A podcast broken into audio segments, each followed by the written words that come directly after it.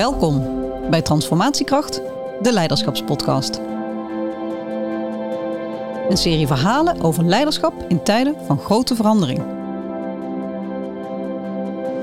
We gaan op zoek naar kennis en inspiratie.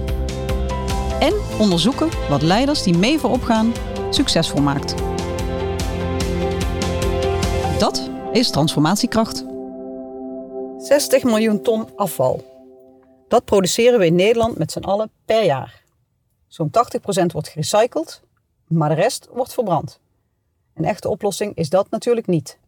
En dus hoe het beter kan, dat bespreek ik vandaag met Elisa Pals, die in 2018 het initiatief Zero Waste naar Nederland haalde en afvalvrij ging leven. Met vele initiatieven geeft zij het goede voorbeeld en haar impact groeit. En zo'n verschil maken is natuurlijk de ideale gast voor Transformatiekracht, de Leiderschapspodcast. Welkom Elisa. Yes, dank je. Nou, misschien wil jij om te beginnen wat uitgebreider voorstellen. ja. Uh, ik ben Elisa Pals. Ik ben de initiatiefnemer van Zero Waste Nederland. Um, sinds 2015 leef ik zelf zo goed mogelijk zonder afval. En in 2018 met Zero Waste Nederland begonnen. Als burgerinitiatief. Um, heel veel daarvan doe ik vanuit mijn achtergrond als psycholoog. Ik heb uh, psychologie gestudeerd in Leiden en uh, dat ging heel veel over gedragsverandering. Dus ik ben geen klinisch psycholoog, maar ik ben een gedragsveranderaar. dat ging in mijn studie heel veel over hoe zorg je dat mensen stoppen met roken, uh, meer gaan bewegen, gezonder gaan eten. Maar diezelfde principes die kun je ook toepassen op duurzamer gedrag. en dat ben ik gaan doen. Dus uh, hoe kan ik mensen helpen om minder afval te maken? Um, dus ik geloof heel erg in de kracht van gedragsverandering. En ik denk dat dat ook wat, dat, dat is wat nu nodig is in de maatschappij.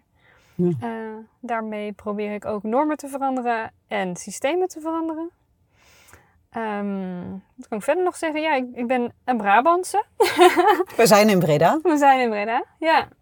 Um, en uh, uh, ja, uh, ik ben opgegroeid als een buitenkind.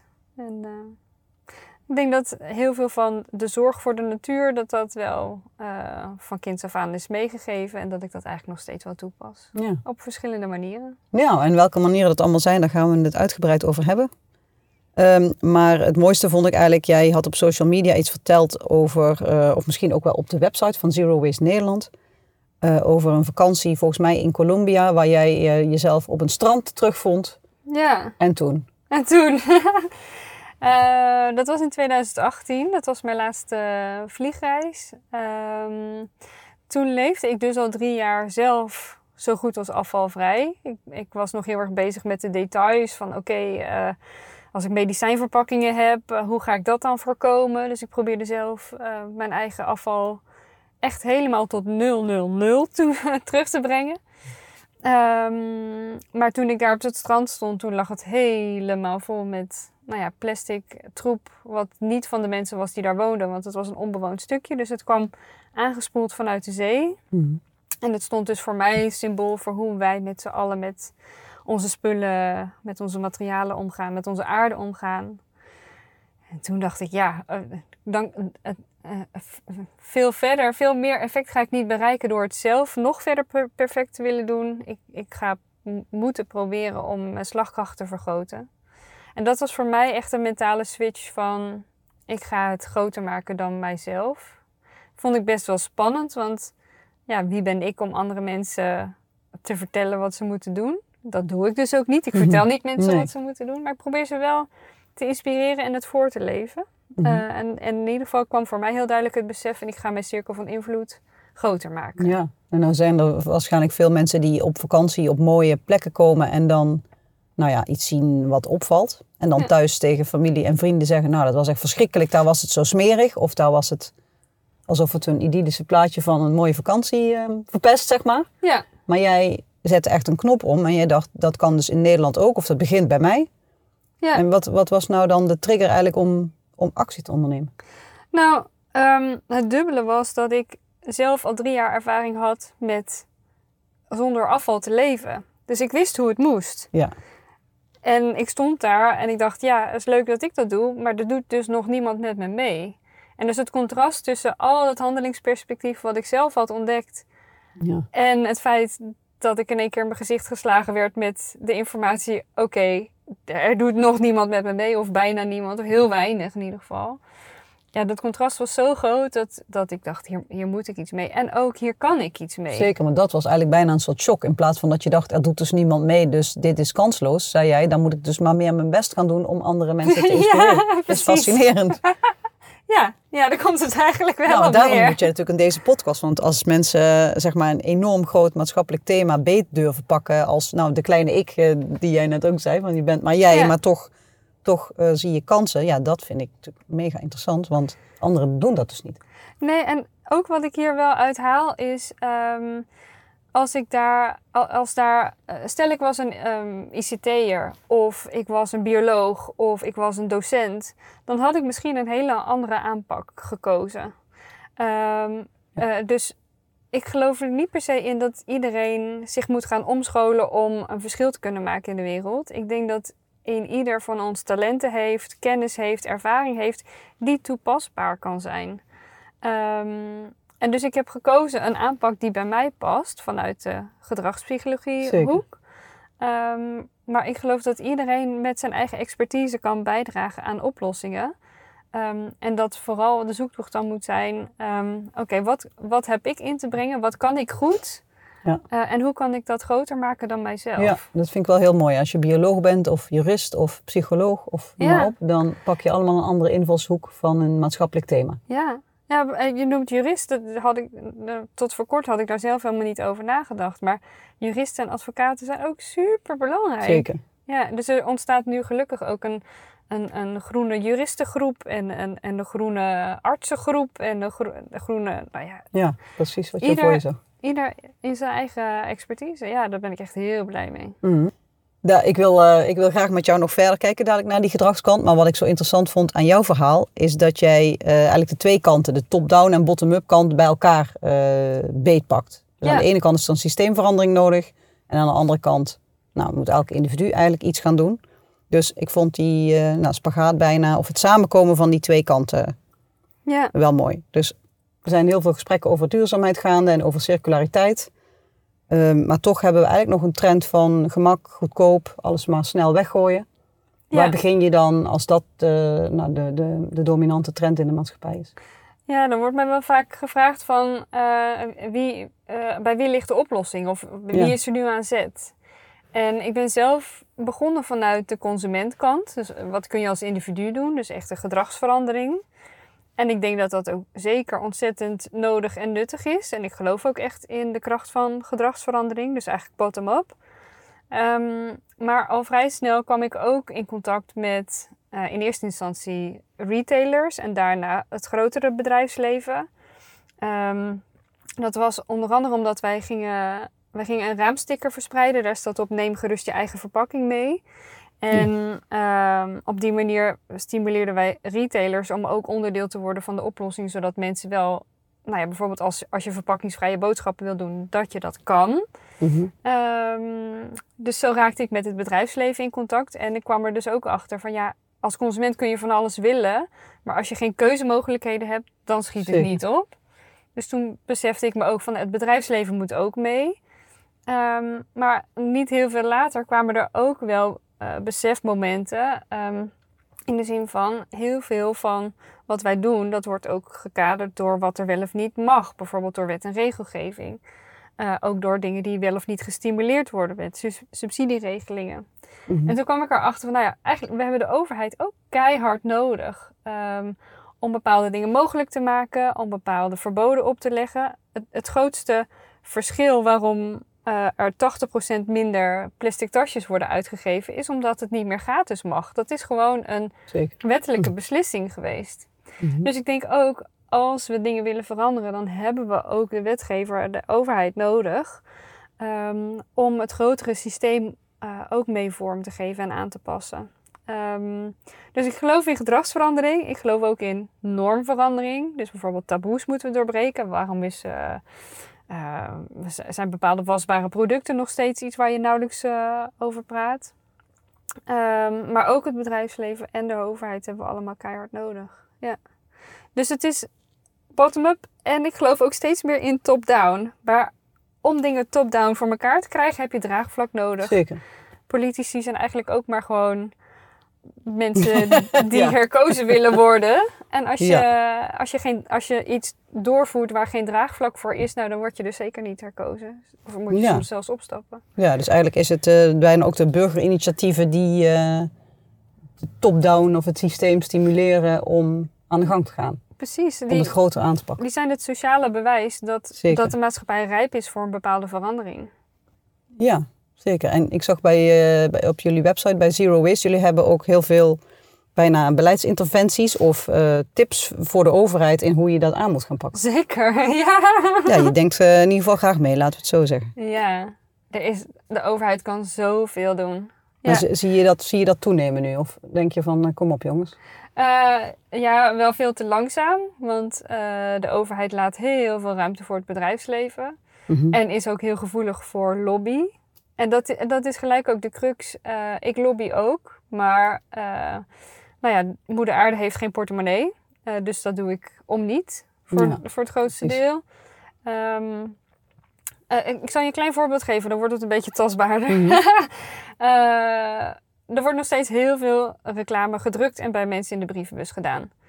Als je dat aanvliegt vanuit de gedragsveranderingskant, dan kan ik proberen om heel veel mensen te overtuigen om een nee-nee-sticker op hun deur te plakken. Mm. Dat kan, dat is zeker ook nuttig.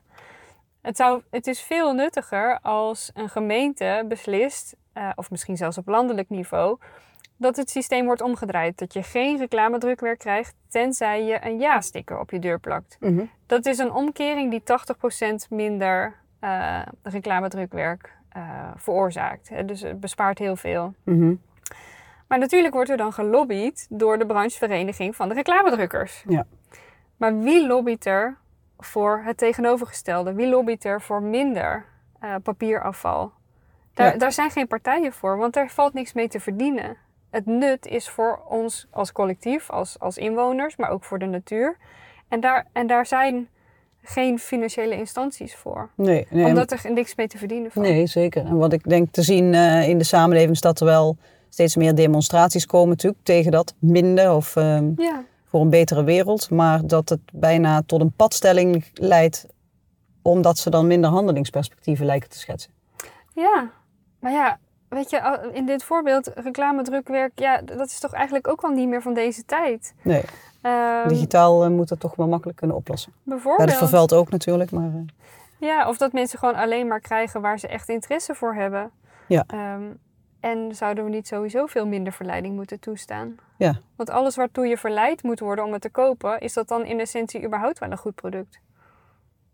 Nou, in ieder geval iets wat je waarschijnlijk niet uh, in je dagelijkse leven per se nodig hebt. Nee. Precies, ja. Nee. ja. Maar wat, uh, als je nog eens kijkt naar wat jullie adviseren vanuit Zero Waste, heb je daar een aantal voorbeelden van wat de overheid nog, nog meer dan dat, dat, had je net dat voorbeeld, is natuurlijk dat drukwerk. Ja. Maar als je daar eens op doorgaat, wat moeten we nog meer allemaal uh, snel kunnen regelen? Nou, wat. Uh, er zijn best wel wat actuele voorbeelden. Als je kijkt naar uh, hoe bijvoorbeeld statiegeld uh, is ingeregeld of hoe de plastic tax werkt. Dus dat je mm -hmm. extra moet betalen voor uh, bepaalde plastic producten. Die, die wet en regelgeving is zo slecht, zit zo slecht in elkaar en heeft zoveel achterpoortjes dat er op allerlei manieren nou, omzeild wordt en, of niet gehandhaafd. Of dat het juist averechts werkt. Um, dat, dat zijn een aantal voorbeelden. Als ik een beetje uitzoom naar het grotere plaatje, er wordt heel veel gesproken over de circulaire economie. Mm. Maar eigenlijk alle uh, maatregelen die ik dan vervolgens voorbij zie komen, die gaan over. Nou, we hebben een afvalstroom. Kunnen we daar nog iets moois mee maken? Kunnen we dat niet nog een keer opwaarderen of uh, upcyclen en, en een nieuw product mee maken? Um, maar de hoogste stappen, eigenlijk de belangrijkste stappen van de circulaire economie, gaan over preventie. Hm. Dus die gaan over minder consumptie. Die gaan over, hebben we dit überhaupt wel nodig? Moeten hm. we dit wel willen? Kan het ook zonder? Kan het op een andere manier? Kunnen we producten herontwerpen? Kunnen we producten zo maken dat ze goed en gemakkelijk en goedkoop te repareren zijn? Um, dat is veel beter dan nog eens een keer iets recyclen of upcyclen. Mhm. Terwijl eigenlijk 90% van de gesprekken over circulaire economie gaan daarover, over reststromen. Ja. Um, Dus wat er voor, voor mij echt essentieel is, dat we het veel meer gaan hebben over preventie. Hoe kunnen we ervoor zorgen dat dit probleem niet ontstaat? En daar is nou, nog ontzettend veel te winnen. Ehm, en dus ook lastig, want een geupcycled product kun je weer verkoop, verkopen en past binnen het huidige economische systeem. Mhm.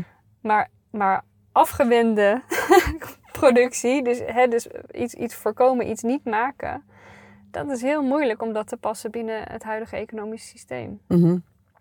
Dus dat zijn ook wel dingen waar ik steeds meer over nadenk. Van hoe gaan wij überhaupt om met productie, met economie? Hoe werkt geld? Hoe werkt... Hoe, is ons kapitalistisch systeem eigenlijk nog wel passend bij wat er nu nodig is? Ik merk op, op mijn vlak, als het gaat om het voorkomen van, van afval en verspilling... ehm, dat de economie eigenlijk alleen maar pusht naar meer en meer en meer.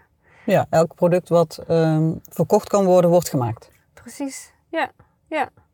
En zelfs zo, eh, al eh, weet je van tevoren dat je, dat je overproduceert, hebben, er hangt veel meer in de winkel dan dat ze vooraf al weten dat ze Mhm. zouden kunnen verkopen. Maar die winkel moet volhangen, want dat oogt beter. Ja. Ehm, dat is zo'n pervers systeem. Mhm. Ehm, ja, ik vind het wel echt moeilijk om dat, om dat te zien. En ik denk dat we dus een heel fundamenteel gesprek moeten hebben met elkaar in de maatschappij over ehm, hoe willen we omgaan met, met eh, de bronnen die we hebben. Zeker. En, en moeten we dat allemaal nog maar zo gemakkelijk willen Zeker. hebben en kopen en produceren? Mhm. Toen ik me aan het voorbereiden was op deze podcast, toen kwam ik eh, tot de ontdekking dat de Europese Unie onlangs een verbod heeft uitgevaardigd op het vernietigen van onverkochte kleding. nou, toen dacht ik, wat weet ik eigenlijk weinig hiervan, want Ja. dat, ja, dat had ik me nooit gerealiseerd. Dat, dat, nee, dat, dat zou onbestaanbaar moeten zijn, maar blijkbaar moeten we daar nog wetgeving voor maken. ja, en dat, en dat gebeurt dus heel veel. En er komt dus nu ook wetgeving, eh, een, een verbod op het ehm, transporteren van eh, Europees afval naar landen buiten Oh ja, de EU. Ja, En dat, gaat dat moet nog ingaan. Dus dat betekent dat we dat nu doen. ja, En dat je dan denkt, hoe, hoe kan dit? Welk jaar leven we? Waarom doen we dit überhaupt? Wie heeft bedacht dat dit een goed idee is? Maar daar betalen we dus eh, andere landen voor om dat over te nemen. Want dan moet het voor hun een incentive zijn om afval over te nemen. Ja, dus eh, bijvoorbeeld landen als Vietnam of Maleisië, die krijgen geld van ons op het moment dat zij balen met eh, gesorteerd plastic aannemen. Mhm. Ongeacht of zij het wel of niet kunnen verwerken. Maar Ja, precies. zij krijgen dat. En dat geld zou natuurlijk veel beter in, nou het niet produceren, dat begrijp ik, maar in het verwerken ervan als het er al is. Ja, de wetgeving die er dan nu aankomt, is dat we het in ieder geval zelf moeten verwerken. Mhm. Of verbranden, wat het waarschijnlijk wel zal worden, denk ik, voor een groot deel. Eh, maar dat we niet meer andere landen daarmee opzadelen. Dat is in ieder geval één stap. Als we het, Mhm. als we het niet meer weg kunnen maken, Ja, precies. dan zullen we. Dan moet je het in ieder geval aankijken. Dan moet, je, ja, dan moet je het aankijken. En dan hopelijk, ja, hoop ik dus ook dat er andere gedachten komen over, ja, moeten we dit dan überhaupt wel willen? Zijn, zijn we nog Ja. wel goed bezig? Zeker. En zolang het er wel is, wat hebben we dan nog voor vakgebieden nodig? Chemische specialisten of de vormgevers, ontwerpers die minder materialen moeten gebruiken? Wat, eh, Ja, bijvoorbeeld hier in Breda is ook een ontwerpster en zij maakt kleding. Waar, eh, haar filosofie is, je moet het tenminste tien jaar gemakkelijk kunnen dragen. mhm.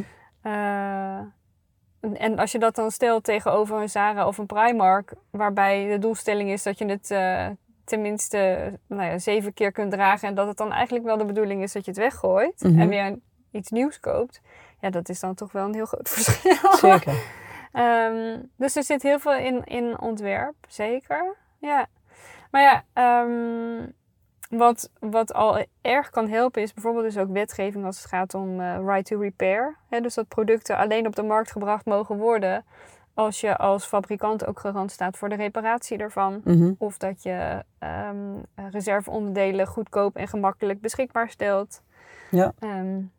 Dat je niet eh, eh, onrepareerbare producten op de markt brengt, om maar zo te zeggen, wat nu vaak gebeurt. Hè. Sommige dingen zijn verlijmd, je kan ze niet eens openmaken Exact, of repareren.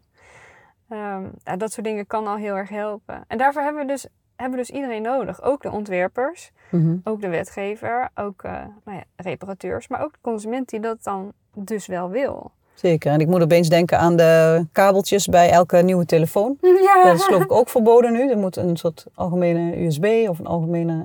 Maar waarom worden die dingen überhaupt zo slecht gemaakt? Dat, dat, Dat, je elke twee jaar een nieuwe nodig hebt. Ja, Ja. precies. Ja. Ja. Ja. maar inderdaad ook eh, eh, meer uniforme kabeltjes, dat, dat scheelt natuurlijk ook al wel. Ehm, eh, maar goed, dat zijn uiteindelijk niet, niet de allergrootste dingen. Nee. Ehm, ik denk waar we, ja, kleding is natuurlijk iets wat, wat heel zichtbaar is, maar denk bijvoorbeeld ook aan, eh, je hebt niet alleen fast fashion, maar je hebt ook fast furniture. Oh ja, dat is En dus waar je vroeger gewoon een leven lang met een bankstel deed, ehm, ja, is het nu heel normaal om binnen vijf jaar gewoon een nieuwe bank te kopen. Ja. En dan heb je het echt over massa. Dan gaat het echt over grote volumes met veel Zeker. impact. Ja. Ehm, dat als je dat moet vervangen, dan, dan ja, creëer je echt een hele berg met afval in Ja, één keer. zeker. ja. Ja. Ja. Dus het, het zijn alle elementen van ons leven die we eigenlijk opnieuw eens zouden moeten bekijken. Mhm. En ik geloof er dus ook heel erg in dat, dat het heel erg uitmaakt. Ehm, kijk, je kan eens in de zoveel jaar stemmen, stemmen met je stembiljet, maar je kunt elke dag stemmen met je portemonnee. Ja. Eh, alles wat je koopt of niet koopt, dat geeft een signaal af. Dat geeft ergens een, een, een prikkel. ja, zeker. Van hier gaan we meer of minder van maken. Ehm, en bijvoorbeeld nu ook eh, maakt het uit waar je je zorgverzekering afsluit. Ik had het daar nooit bij stilgestaan, Nee, maar er precies. zijn groene zorgverzekeraars en minder groene zorgverzekeraars. Ja. Al dat soort dingen maakt, maakt uit, want dat, daar gaat elke dag een beetje van ons geld heen. Ja. Nou, zijn we toch eigenlijk naadloos weer gekomen bij die ehm, bottom-up kant. De gedragsverandering, Ja. of wat kan ik zelf doen? Ja, Ik was natuurlijk ook eh, nou, ter voorbereiding hierop eh, aan het nadenken over mijn eigen gedrag. Ehm, nou, al het afval is te scheiden, dat doe ik eigenlijk wel een hele tijd. Mijn restafval, dat valt me echt op, is de afgelopen nou, tijd echt tot een heel klein bakje per eh, maand eh, teruggegaan. Daar zit bijna niks meer in. Mhm. Maar dat plastic afval, dat, ehm, nou, daar, zover was ik nog niet. Maar als je bijvoorbeeld gewoon bij een supermarkt groenten wil halen. En dan haal ik eh, tomaten, komkommer, spinazie en ehm, nou, noem nog eens iets geks, broccoli. En dan is je halve bak weer vol. ja, Er zit altijd verpakking omheen. ja. Nou, dan zeg jij ongetwijfeld, daar moet je dus ook niet je boodschappen gaan doen. Maar dat doet toch het gros van de mensen wel, lijkt me. Hoe Ja. kom ik van dat plastic af? Ja, soms heb je in de supermarkt wel keuzes. Dus soms liggen tomaten eh, verpakt en ja, onverpakt klopt, naast elkaar. los. Ja. Dus daar heb je soms wel wat keuze Mhm. in.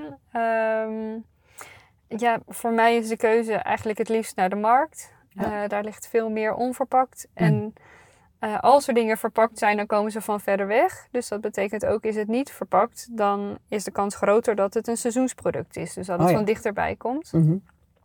Dus dat helpt mij ook om beter met het seizoen mee te eten. Want ja, in de supermarkt heb je daar eigenlijk geen idee van. Nee, dat klopt, ja. kun je eigenlijk het hele jaar door wel aardbeien en komkommers kopen, terwijl dat echt seizoensproducten zijn. Ehm, dus de markt helpt mij beter om niet alleen voor onverpakt te kiezen, maar ook ehm, eh, meer bij het seizoen Ja. te eten. Ehm, ik ben zelf ook met een moestuintje begonnen, wat ontzettend veel voldoening geeft. Ik ben nog niet heel eh, professioneel hoor. De, ik bedoel, de, de oogst is nog matig. maar er zit wel eh, nou ja, en veel meer smaak aan. Nou ja, en lokaler dan dat wordt het natuurlijk Nee. niet. Maar vooral ook het stukje eh, voldoening en ook verbinding met wat je eet is, is zo waardevol Ja. voor mij. Ja. Ehm, Wat doe je met wasmiddelen bijvoorbeeld? Je ziet het, hè? ik heb gewoon mijn huis zo bekeken van wat zal ik gaan vragen, hoe ik daarvan afkom. Ja, er zijn heel veel verschillende oplossingen voor. Ehm, eh, bijvoorbeeld hier in Breda zit een verpakkingsvrije winkel waar je het ook kunt tappen. Oh ja. Eh, dus dan ga ik dan met mijn eigen fles naartoe en dan tap ik dat. Ehm, nou ja, soms kun je ook kiezen voor bijvoorbeeld een eh, kartonnen doos. Dus bepaalde merken zitten in karton. Mhm. Dus dat bespaart een hoop van die plastic grote flessen. Eh, maar je kunt het ook zelf maken met bijvoorbeeld eh, vlokken zeep die je oplost in water. Dat is ook nog veel goedkoper. Daar kun je Mhm. ook een hoop geld mee besparen. En er zijn ook mensen in de zero waste wereld die eh, nog verder gaan. Dus die bijvoorbeeld met paardenkastanjes of klimop ehm, wassen. Want Dat zijn eigenlijk natuurproducten waar heel veel saponine in zitten. Dus zeepstoffen. Mhm. Ook wasnoten bijvoorbeeld is zo'n product waar heel veel van die saponine in zitten. Ehm, en eh, daarmee kun je ook prima wassen. Dus een beetje meer zoals, zoals, je, zoals men dat vroeger deed. Dat zeggen we toch altijd, dat als je terug gaat eh, zoals oma deed, dan kan het niet verkeerd zijn. nee, ja. Ik, eh, dus voor mij is het zo, het moet wel nog steeds gemakkelijk zijn. Dus ja, ik heb ook een druk leven, dus dat lukt mij niet altijd. Ik heb wel eens klim op zeep gemaakt, maar dat doe ik niet altijd. nee. Um, maar uh, ja, andere dingen zijn eigenlijk best wel, best wel prima te doen. Dus ik, ik kijk ook wel een beetje van wat is gemakkelijk. Um, en als het gaat om schoonmaken, dan is voor mij baking soda en een beetje natuurazijn. Daar krijg ik echt alles mee schoon. Kalk, uh, aanslag, schimmel. Dus het, ja, het is echt allemaal geen hogere wiskunde. Vaak is het gewoon veel simpeler en goedkoper. Uh, ik heb ooit een TED-talk gedaan over hoe je heel veel geld kunt besparen op deze manier van leven. Dus het mhm. gaat over, nou misschien zijn je boodschappen iets duurder, maar uh, als het gaat om schoonmaken, als het gaat om spullen, ben ik echt veel goedkoper uit. Ik maak zelf ook cosmetica, ik maak zelf een mascara. Nou, ik zit naar jouw wimpers te kijken nu toevallig. Ik wou het vragen als je het niet had gezegd, maar die zijn heel lang en zwart. ja. Maar die heb je dus zelf gemaakt. Ja, precies. Ja. Um, en en het leuke is dat je daarmee dus ook zoveel ja, meer voldoening krijgt. Dat je het zelf hebt gemaakt. Dat geeft ook een bepaalde waarde aan dingen. Dat zorgt ook voor, een veel, ja, voor veel meer voldoening in het leven. Uh, dat je veel meer. Het is niet zomaar een druk op de knop en je hebt het in huis. Nee, je, hebt, je hebt dit met je eigen handen gemaakt. Je hebt even opgezocht hoe dat moet. En, uh, en het levert een product op wat niet op dieren is getest, uh, waar geen microplastics in zitten. Um, het, is, uh, het is goedkoper. Dus er zitten zoveel voordelen aan, waardoor het eigenlijk allemaal nou ja, net even wat aangenamer en leuker en fijner wordt. Ja, nou dan maak je sowieso in een paar minuten supergoed duidelijk dat er uh, genoeg opties zijn als je er maar even in verdiept. En dat het ook nog bijdraagt aan je eigen bewustzijn natuurlijk. Zeker. Om dat op die manier te doen dus. Ja. Nou, ik heb wel dus ook als, je, ook als je, het, als je het niet voor het milieu doet, dan zijn er nog steeds heel veel redenen om het wel te doen. Ja, ja. duidelijk. Um, nou zei jij net, ik heb ook een druk leven. Ja, dat, uh, dat blijkt, want jij bent uh, klimaatpsycholoog, noem je jezelf. Ja. Spreker, adviseur, campaigner zag ik.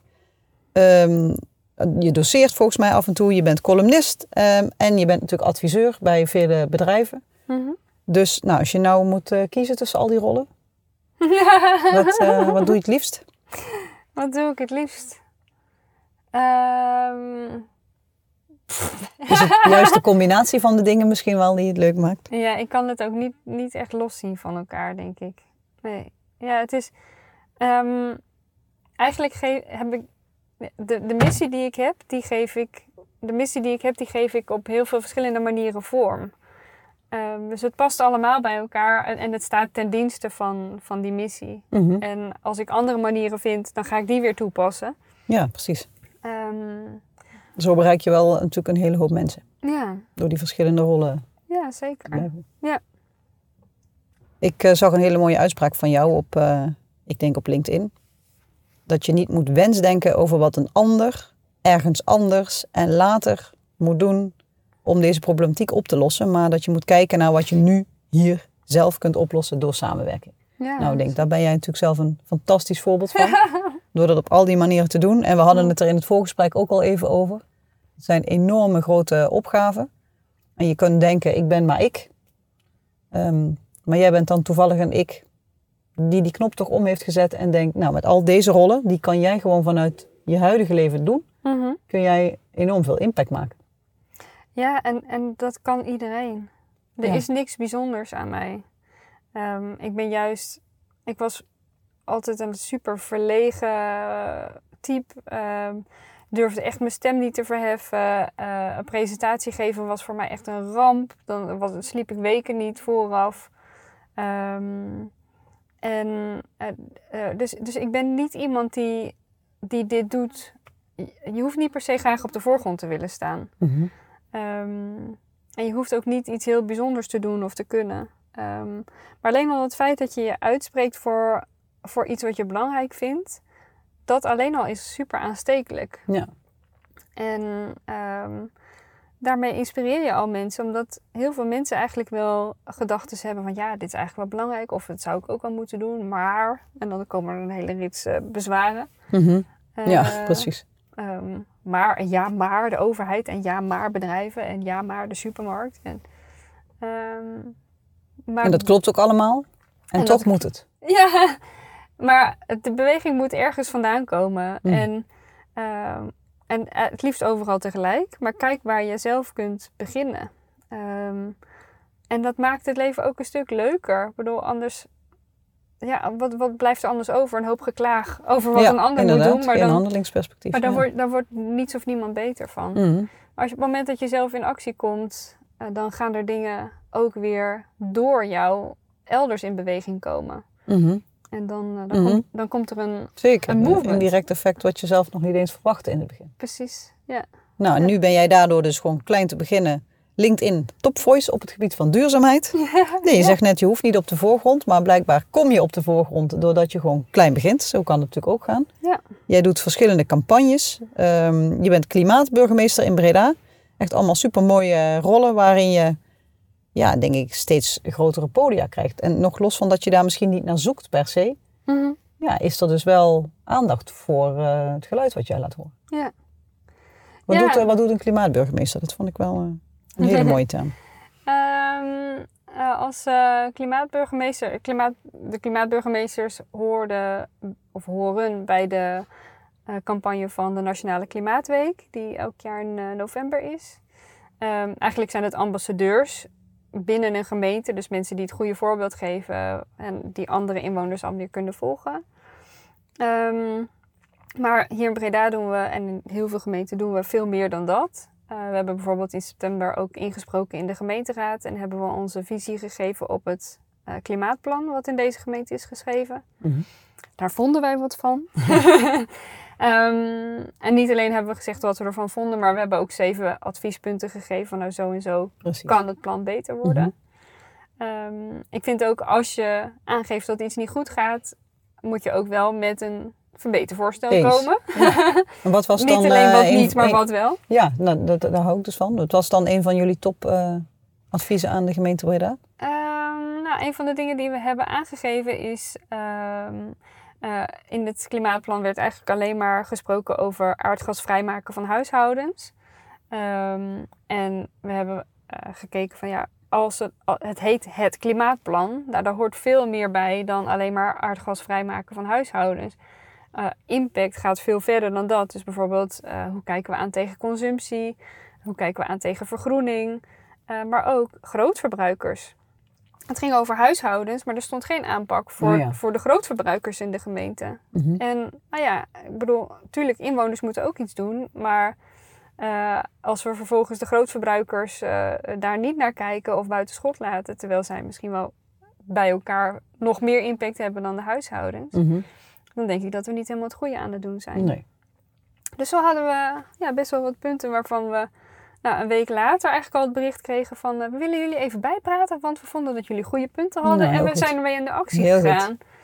En toen dacht ik, ja, dat, dat is wel super als dat lukt. Ja, zeker. En dat volg jij natuurlijk nu ook het komende jaar. Ja, zeker. Dan trek ja. je weer aan de bel als het toch niet, eh, als het weer ondersneeuwt. Ja, precies. Ja. Maar we, we, zijn nu, we worden nu wel gehoord. En ook al is het een soort van symbo- symbolische rol, Mhm. ehm, we worden wel, eh, eh, onze input wordt wel gewaardeerd. Ja. En dat, dat voelt wel heel fijn. Dus ook daar weer als individu, eigenlijk als soort van ja, symbolische ambassadeur, Ja. kun je best wel wat eh, betekenen. Ja, en andere eh, gemeentes hebben ook klimaatambassadeurs. Of Ja. klimaatburgemeesters, of het nou hoe het Zeker. heet. Dus jullie kunnen ook nog samen een beweging vormen.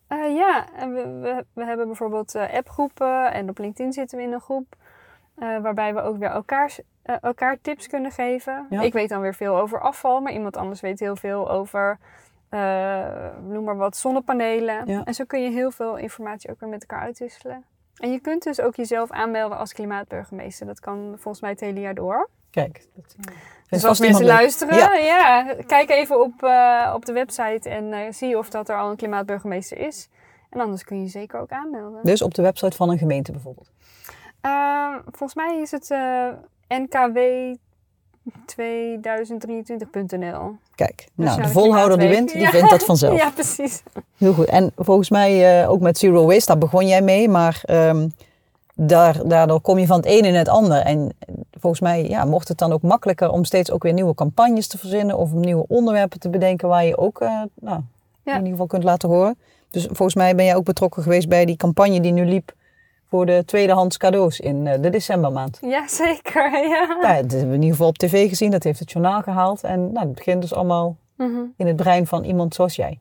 Ja, ja, en daarbij is het dus ook heel fijn om te kunnen snappen van wie zijn er nog meer belanghebbenden in dit, in dit verhaal. En wie zijn, er, wie zijn mijn medestanders op deze missie. Het is mhm. gewoon super tof als je dan kunt samenwerken. Dus we hebben nu samengewerkt met de branchevereniging van de Nederlandse kringloopbedrijven.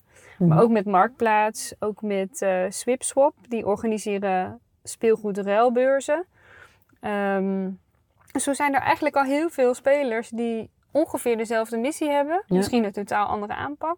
Maar die het verhaal wel kunnen onderschrijven. Mhm. En als je dan daarmee kunt samenwerken, dan kun je echt superveel bereiken. Ja, dat zou een tip zijn voor jou, of van jou op andere gebieden. Dus als je denkt, ik ben maar ik, dan zoek zoveel mogelijk medestanders, andere stichtingen, organisaties die ook bezig zijn. Ja, dus je hoeft niet per se het ei van Columbus te hebben. Ehm, je hoeft ook niet per se een kartrekker te worden en andere mensen bij jouw missie te trekken. Ja.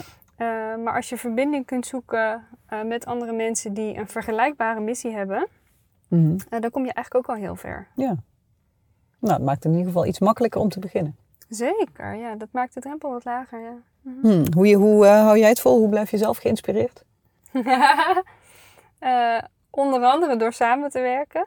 Ehm, en op het moment is het ook wel heel fijn. We zijn nu bezig om uh, de stichting Zero Waste Nederland verder op te zetten en te professionaliseren. Dus ik merk nu dat er ook wel ja, nieuwe en goede energie bij komt. En dat het steeds dat het iets lichter wordt op mijn schouders. Mm en ik merk ook gewoon dat er ontzettend veel mensen actief zijn binnen de community. We hebben bijvoorbeeld heel veel gidsen die tours geven, zero waste tours in verschillende gemeenten in Nederland. Eigenlijk onze lokale helden, die dan weer andere mensen verder inspireren van hey, zo, dit is mijn favoriete winkel waar ik verpakkingsvrij dit en dit en dit kan kopen. En dat zijn gewoon allemaal super toffe mensen die elkaar ook dagelijks eigenlijk via de app inspireren van hey, heb je dit al gezien? Waar koop jij je chocola? Enzovoort. Mhm. Ehm, dat vind ik echt heel, heel tof om, om het op die manier te doen. Um, dingen die me ook wel positief stemmen, um, dat zijn eigenlijk de bewegingen die op, op, grotere schaal in de maatschappij plaatsvinden. Dus bijvoorbeeld uh, uh, dat er nou ja, een paar maanden geleden zaten er nog een paar eenlingen op de A12 met uh, stop fossiele subsidies. En nu is onze voormalig minister in Dubai aan het lobbyen voor een consortium van verschillende landen die willen stoppen met fossiele subsidies. Binnen een jaar tijd. Mm Ehm, dus er is gewoon zoveel gaande in de wereld. Um, er is nog steeds heel veel nodig. Um, maar het is wel tof om te zien dat een klein groepje mensen zoiets groots eigenlijk daar de spark voor zijn geweest. Het zaadje voor zijn geweest. Ja. Met eerst heel veel weerstand en eerst heel veel, nou ja, hè, zo, het risico dat je een gekkie wordt genoemd, het risico mhm. dat je van je bed gelicht wordt door de politie. Maar uiteindelijk ontstaat er wel een wereldwijde beweging. Mhm. Dat zei ik net ook al een keer, hè? ook ehm, met die, die, demonstranten, dat je ook het gevoel krijgt dat het soms polariseert. Heb jij nou nog adviezen voor, uh, kijk ja, je, je staat ergens voor en je zoekt een middel om aandacht te krijgen. Maar de mensen die daar dan nou ja, negatief op reageren of zo, hoe zou je die partijen bij elkaar kunnen brengen, zodat die groep groter wordt? Ja, dat is wel een, een spannende. Ehm, ik denk wel dat, dat dit nodig was, dat, dat dit niet op een andere manier kon, dat dit um, dat het belangrijk was dat het op deze manier gebeurde. het is niet helemaal mijn manier. Uh, dus ik ben niet van het voorschrijven, ik ben niet van uh, het vingertje wijzen, ik ben niet van het afbreken. Um, ik ben meer van het voorleven en het inspireren en dat mensen met me meenemen en met mm positieve alternatieven komen. Dat is een langzamere weg. Ehm, en het is ook iets wat beter bij mij als persoon past. Mm. je begrijpt die andere kant dus wel. Zeker, en die support ik ook. Um, dus, uh, maar het is allemaal nodig. Maar het is, je hebt aan de ene kant mensen nodig die het oude afbreken. En je hebt aan de andere kant ook mensen nodig. Oké, maar als we dat dus niet willen, wat willen we dan wel? En zo gaan we dat dan doen. Um, dus het voorleven en het laten zien van het positieve alternatief van wat dan wel. Mm dat heb je ook nodig. En ik, ik zie mijzelf eigenlijk meer aan, aan die kant. Maar dat werkt alleen als het oude wordt afgebroken. Ja, en dan helpt het ook om het oude af te breken. Want dan kan je in ieder geval niet zeggen dat er geen nieuwe manier is. Want die heb jij dan al Precies, voorgeleefd. ja. Van, van kijk hier, dit gebeurt al. Ja. Ja. Mooi. inspirerend vind ik het. Um, nou heb je eigenlijk gedurende de podcast al allerlei tips uh, gegeven van wat mensen zelf kunnen doen. Maar als je nu nog um, je top drie zou moeten geven, wat, uh, waar kunnen we beginnen? tips voor? Voor de luisteraar en voor mij natuurlijk, die uh, de koelkast nog vol met plastic heeft. um, ja, dus Eigenlijk de meest simpele voor mij was, zo ben ik begonnen, een nee-nee-sticker op de deur plakken, waardoor ik in ieder geval veel minder verleid werd. Ja, die heb ik op de deur. Ah, super. Oké. Okay. Uh, dan in het verlengde daarvan zou ik me ook uitschrijven voor nieuwsbrieven, voor alles waar je ooit een keer wat besteld hebt. Dan hebben ze je mailadres en dan blijven ze je mailen en verleiden. Dat helpt niet altijd, heb ik het gevoel, maar dat probeer ik ook. Ja, precies. Nou, dat, Kijk. Dus de eerste stap is eigenlijk zorgen dat je veel minder verleid wordt. Dus dat je mhm. minder bereikt kan worden met al die boodschappen waar je heel moeilijk dan weer nee tegen kunt zeggen. Ja, dat is denk ik wel een hele goeie, want Als je de reclamefolders niet ziet, ga je ook minder snel naar de winkel. Dat, zo werkt het toch gewoon. Ja, precies. Ja. Uh, kijk naar wat er wel kan. Dus uh, soms heb je binnen de supermarkt verschillende alternatieven, maar de markt of uh, de lokale boer of uh, samen iets bestellen. Ander type supermarkt kan ook. Hè? Bijvoorbeeld ehm, een Odin of een Ecoplaza, maar ook binnen Lidl bijvoorbeeld zijn er al veel meer verpakkingsvrije alternatieven, zeker voor veel vers aanbod. Mm -hmm. Dus kijk wat, kijk wat voor jou haalbaar is, wat, wat bij jou dichtbij is. En eigenlijk de laatste tip is misschien wel uh, verbind met andere mensen die het al hebben uitgezocht. Um, want dit kan best wel lastig zijn om helemaal vanaf nul zelf uit te zoeken. Mhm. Maar op het moment dat je uh, kunt verbinden met mensen, bijvoorbeeld die bij jou in de buurt wonen en die al weten hoe het moet. Ja, als je, als je met hun uh, kunt bespreken van hey, hoe heb jij dat gedaan? Wat, wat zijn jouw lokale tips voor hier? Dat werkt gewoon supergoed. En dan hou je elkaar ook geïnspireerd. Mhm. Ehm, we hebben 75 lokale communities verspreid door het hele land. En een grote landelijke groep waar je ook heel veel vragen kunt stellen. Mhm. Ehm, en dat helpt mij ook enorm, want ik weet ook niet alles. Dus um, dan, uh, dan, helpt het om daar een vraag te stellen. Ja, dus als mensen nu echt vragen hebben of uh, tips willen, willen zien... of je hebt leuke filmpjes, zag ik, over hoe je dingen zelf maakt. Waar gaan we dan naartoe? Het handigste is uh, op de site van zerowastnederland.nl of op de Facebookgroep ja. Zero Waste Nederland. Nou, en die Zero Waste Nederland die uh, groeit nog steeds, die beweging. Wanneer ben jij tevreden? Uh, ik ben eigenlijk al heel tevreden. Ja, ik, toen ik in mijn eentje daar op dat strand stond, was ik al blij als er misschien een paar mensen met me mee zouden doen. En dat het nu al zo'n beweging is dat we in Den Haag soms aan de tafel mogen zitten, dat we in de media gezien en gehoord worden, dat is voor mij al veel meer dan ik uh, had durven denken en verwachten en hopen.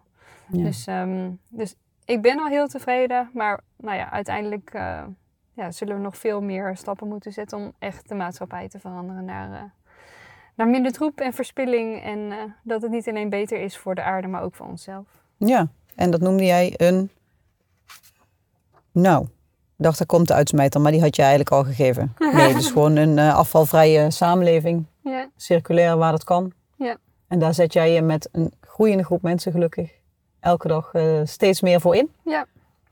Ik vond het uh, heel inspirerend. Je hebt mij best wel wat tips gegeven, wat dingen geleerd. Zo zie je dat het helemaal niet ingewikkeld hoeft te zijn. Um, en dat er informatie genoeg is om je nou, eens in te verdiepen en, en zelf ook meer bij te dragen. Um, ik vind jou een uh, transformatiekracht voorbeeld. Ik ben super blij dat jij mee wilde doen uh, aan deze podcast. We gaan nog veel van jou zien. Jij doet meer podcasts, jij hebt lezingen, mensen kunnen jou boeken voor spreekbeurten. Jij doet allerlei adviesprojecten, we zien je in, uh, op het nieuws. De campagnes die, die lopen over de cadeaus en over de sticker. Ja. Um, breng je eigen, hoe noem je, je eigen verpakking mee. Ja. Al dat soort dingen en meer, die, die gaan wij nog zien van jou. Dank je hartelijk. De laatste, nou, dat, uh, soms overval ik mensen daarmee, maar uh, de laatste famous word van de podcast, uh, die zijn voor jou. Onderschat nooit wat je als eenling kunt doen. Kijk, daar kan iedereen zijn voordeel mee doen. Ja. Dankjewel. Ja, en het ga je goed. Ja.